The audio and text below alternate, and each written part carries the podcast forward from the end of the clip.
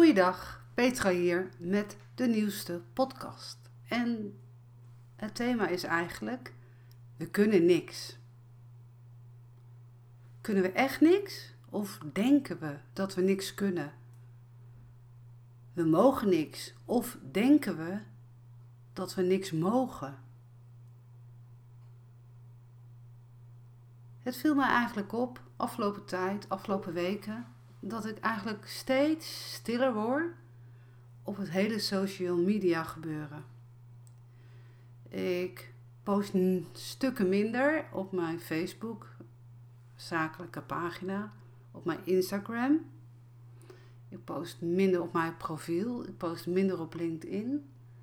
En waarom doe ik dat? Dat ik erachter gekomen ben dat als je wat vertelt op het hele social media gebeuren en je gebruikt niet de juiste woorden of terminologie, dan komen jouw berichten niet door. Tjats, boem, klats, boem. Dat is niet fijn. Oh, we kunnen niks en we mogen niks. We worden gecontroleerd. Misschien worden we wel gecontroleerd door het algoritme.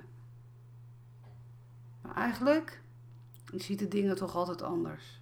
Momenten dat ik me veel minder richt op het hele social media gebeuren, zei ik eigenlijk tegen mijzelf: de leukste klanten komen naar mij toe. De leukste klanten willen door mij geadviseerd worden. De leukste ondernemers staan op om met mij te gaan sparren.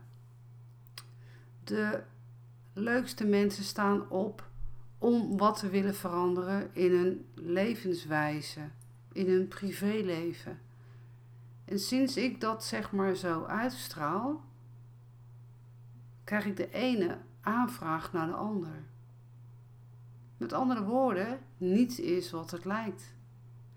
Alles heeft te maken met jouw eigen intentie, jouw zuivere intentie, maar ook jouw eigen karaktereigenschappen. Als jij de hele dag gaat zitten doen denken van we mogen niks, we kunnen niks en wat is het allemaal saai, dan ga je dat in dat segment, gaat het zich dan centreren. Dat houdt in, als jij uitstraalt we mogen niks en we kunnen niks, dan zit je in een lage energiefrequentie. En die frequentie gaat dan buiten jouw fysieke lichaam, gaat zich manifesteren in de werkelijkheid. Klinkt ingewikkeld, maar zo zie ik het al mijn hele leven. De uitdrukking wie goed doet, goed ontmoet, is echt wel een uitdrukking waar heel veel waarde in zit. Ik ben er altijd van overtuigd dat persoonlijke ontwikkeling het allergrootste cadeau is wat je jezelf kan schenken en wat je jezelf mag gunnen.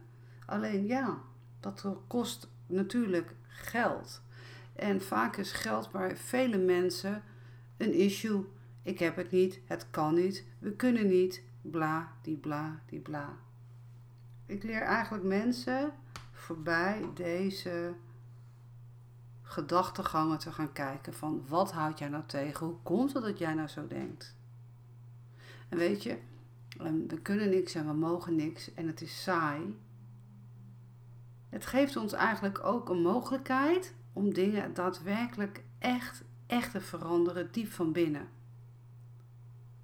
Hoe fijn is het dat je door deze tijd die er nu is, hè, in 2020, dat het heel fijn is dat je de kleine dingen heel erg gaat waarderen. En dat die kleine dingen die jij gaat waarderen, die kunnen gigantisch groot voor jou gaan aanvoelen. En dat heb ik bij mijzelf ook veranderd. Het gaat er bij mij helemaal niet om dat ik gezien moet worden in mijn werk. Ik weet toch al dat ik gezien word. Alleen, ik hoef voor niemand een goedkeuring te hebben als ik mijzelf maar goedkeur. Snap je? Je hoeft jezelf niet te bewijzen, want je bent goed zoals je bent. Alleen je voelt het vaak niet. We kunnen niks. We mogen niks. Het is saai.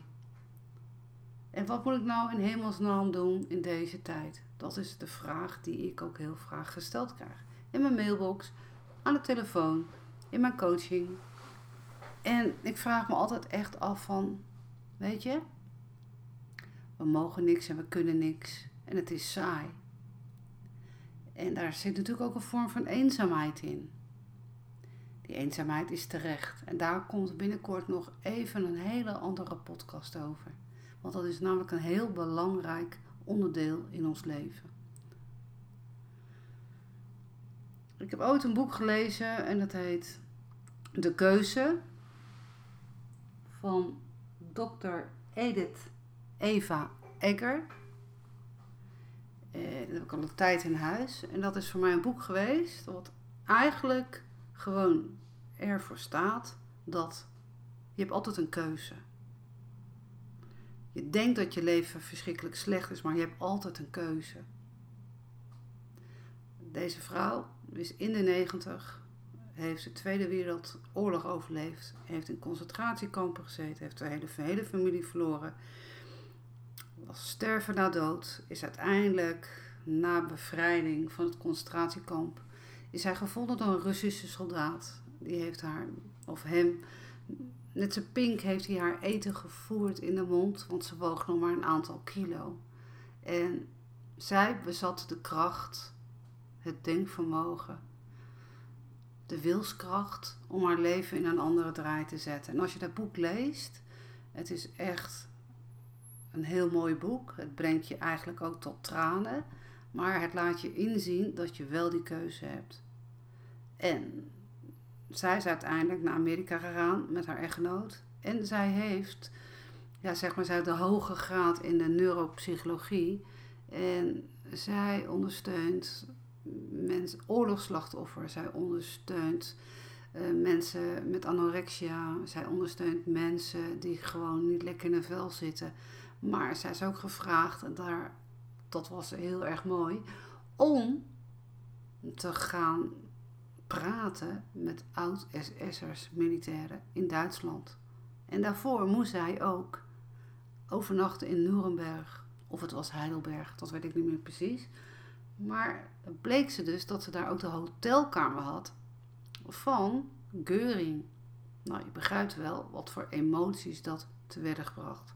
Maar zij is dus in staat om juist die mensen die het haar zo moeilijk hebben gemaakt in de Tweede Wereldoorlog, die, daar heeft ze mee kunnen praten. En dan ben je dus echt van een ander kaliber. Maar zij heeft gewoon altijd gezegd: je kan lopen zeuren, piepen en klagen, maar jij hebt de keuze om het te veranderen. En ik raad dat boek echt iedereen aan. Ik heb ook haar vervolgboek, 12 successen.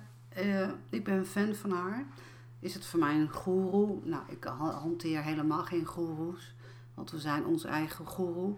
Maar dit is wel iemand die mij wel aan het denken heeft gezet in het nu. Want we mogen wel van alles. We kunnen naar buiten. We kunnen boodschappen halen. We kunnen ons eten thuis laten bezorgen door een heel fijn restaurant. We kunnen muziek luisteren. We kunnen tv kijken. We kunnen urenlang heerlijk Netflixen. We kunnen videocallen met je vader en je moeder, met je opa en je oma, met je kinderen. Dat kunnen we allemaal wel. Maar wat wij niet kunnen is dat wij niet accepteren dat het even nu anders is zoals het nu is. Daarmee kunnen we eigenlijk niet zo goed mee overweg. Maar dat heeft te maken met onze gedachtegangen. Dat heeft te maken met vergelijkingen. Het heeft te maken met dat we niet ons onderdrukt willen voeren. Echter, als je tegen jezelf zegt vanaf nu af aan: gelukkig kan ik heel veel. Gelukkig mag ik heel veel doen op een dag. Ik mag gelukkig thuiswerken. Ik mag gelukkig autorijden. Ik mag gelukkig mijn boodschappen online bestellen. Hoe fijn is dat als je deze woorden gaat integreren in jouw leven? Dan weet je eigenlijk dat je veel meer mag en kan dan, dan in het nu.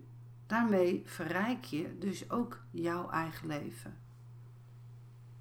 Mocht jij naar deze podcast met mij willen sparren, wil jij een afspraak maken? Ik heb nog een paar enkele gaatjes in december.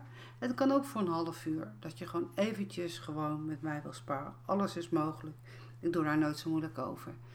En weet je, wil jij ook echt aan de slag, dat je met mij de diepte in wil, dan heb ik een traject van 2 uur en van 4 uur. En wil je daar gewoon lekker over sparren, stuur mij dan een mail naar petra.pmdekruif.nl. Je weet me te vinden op mijn Facebook, Puur Petra, of op mijn profiel Petra de Kruif en dan stuur je gewoon een chat. Dan weet je, uh, vragen staat vrij, maar de antwoorden, jouw eigen blinde vlekken, kan door een goede samenwerking open worden gemaakt, zodat jij verder komt in jouw huidige leven. En hoe fijn is het als jij de dingen wat luchtiger opneemt, dat je verder komt in je leven. Dat is een verrijking van jouw eigen leven. En dat is iets wat jij jezelf echt mag gunnen. Ik wens je een hele fijne dag. En lach wat vaker. Hoi.